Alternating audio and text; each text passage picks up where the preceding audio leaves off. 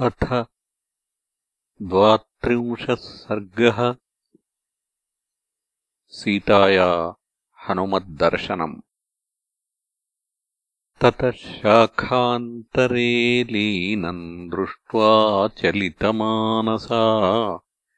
वेष्टितार्जुनवस्त्रम् तम् विद्युत्सङ्घातपिङ्गळम् सा ददर्शकपिम् तत्र प्रश्रितम् प्रियवादिनम् फुल्लशोकोत्कराभासम् तप्तचामीकरेक्षणम्।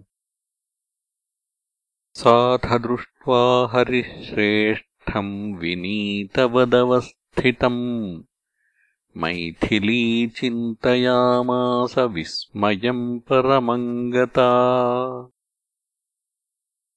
अहो भीममिदम् रूपम् वानरस्य दुरासदम् दुर्निरीक्षमिति ज्ञात्वा पुनरेव मुमोहसा।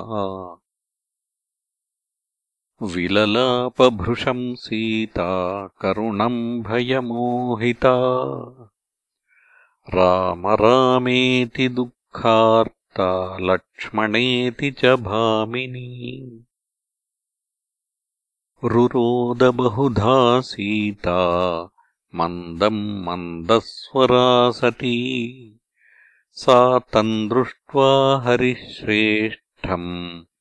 विनीतवदुपस्थितम्। मैथिली चिन्तयामास स्वप्नोऽयमिति भामिनी। सा वीक्षमाणा पृथुभुग्नवक् शाखामृगेन्द्रस्य यथोक्तकारम्।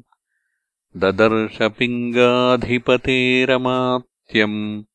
वातात्मजम् बुद्धिमताम् वरिष्ठम्। सा तम् समीक्ष्यैव भृशम् विसञ्ज्ञा गतासु कल्पेव बभूव सीता चिरेण संज्ञाम् प्रतिलभ्य भूयो। विचिन्तयामास विशालनेत्रा। स्वप्ने मयायम् विकृतोऽद्यदृष्टः शाखामृगः शास्त्रगणैर्निषिद्धः स्वस्त्यस्तु रामाय सलक्ष्मणाय तथा पितुर्मे जनकस्य राज्ञः। स्वप्नोऽपि नायम् न हि मेऽस्ति निद्रा शोकेन दुःखेन च पीडितायाः।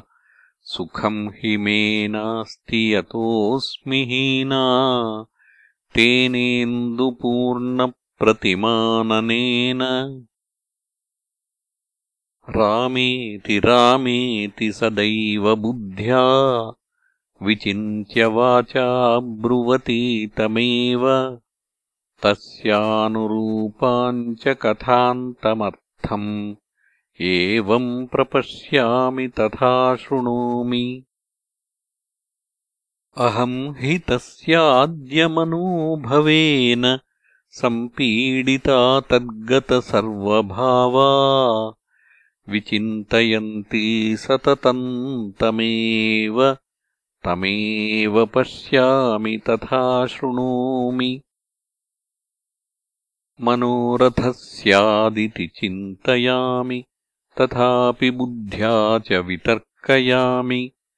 किम् कारणम् तस्य हि नास्ति रूपम् सुव्यक्तरूपश्च वदत्ययम् माम्